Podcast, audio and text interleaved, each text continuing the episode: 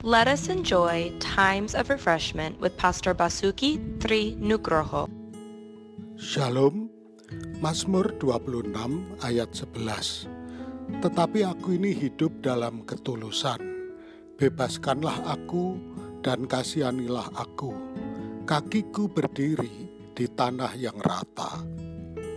Salah satu pengalaman dalam perjalanan kita bersama Tuhan adalah rasa bersalah. Rasa bersalah karena kita telah melanggar firman Tuhan. Ada perasaan tidak layak, merasa lemah hati, keraguan akan penerimaan, rasa tidak aman.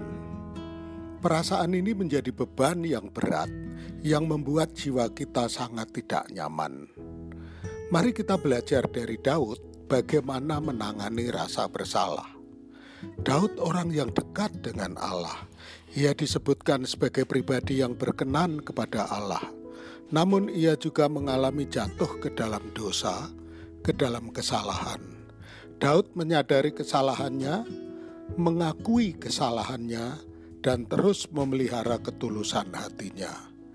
Dan hasilnya, Daud berkata, "Kakiku berdiri di tanah yang rata." Suatu gambaran tempat yang aman, diterima dan dilindungi oleh Allah. Merasa bersalah, datanglah kepada Allah dan taruh pengharapan dan percaya kita kepada Allah. Dia akan menggantikan rasa bersalah, rasa tidak aman, kebimbangan itu dengan kedamaian dari Tuhan. Tuhan memberkati.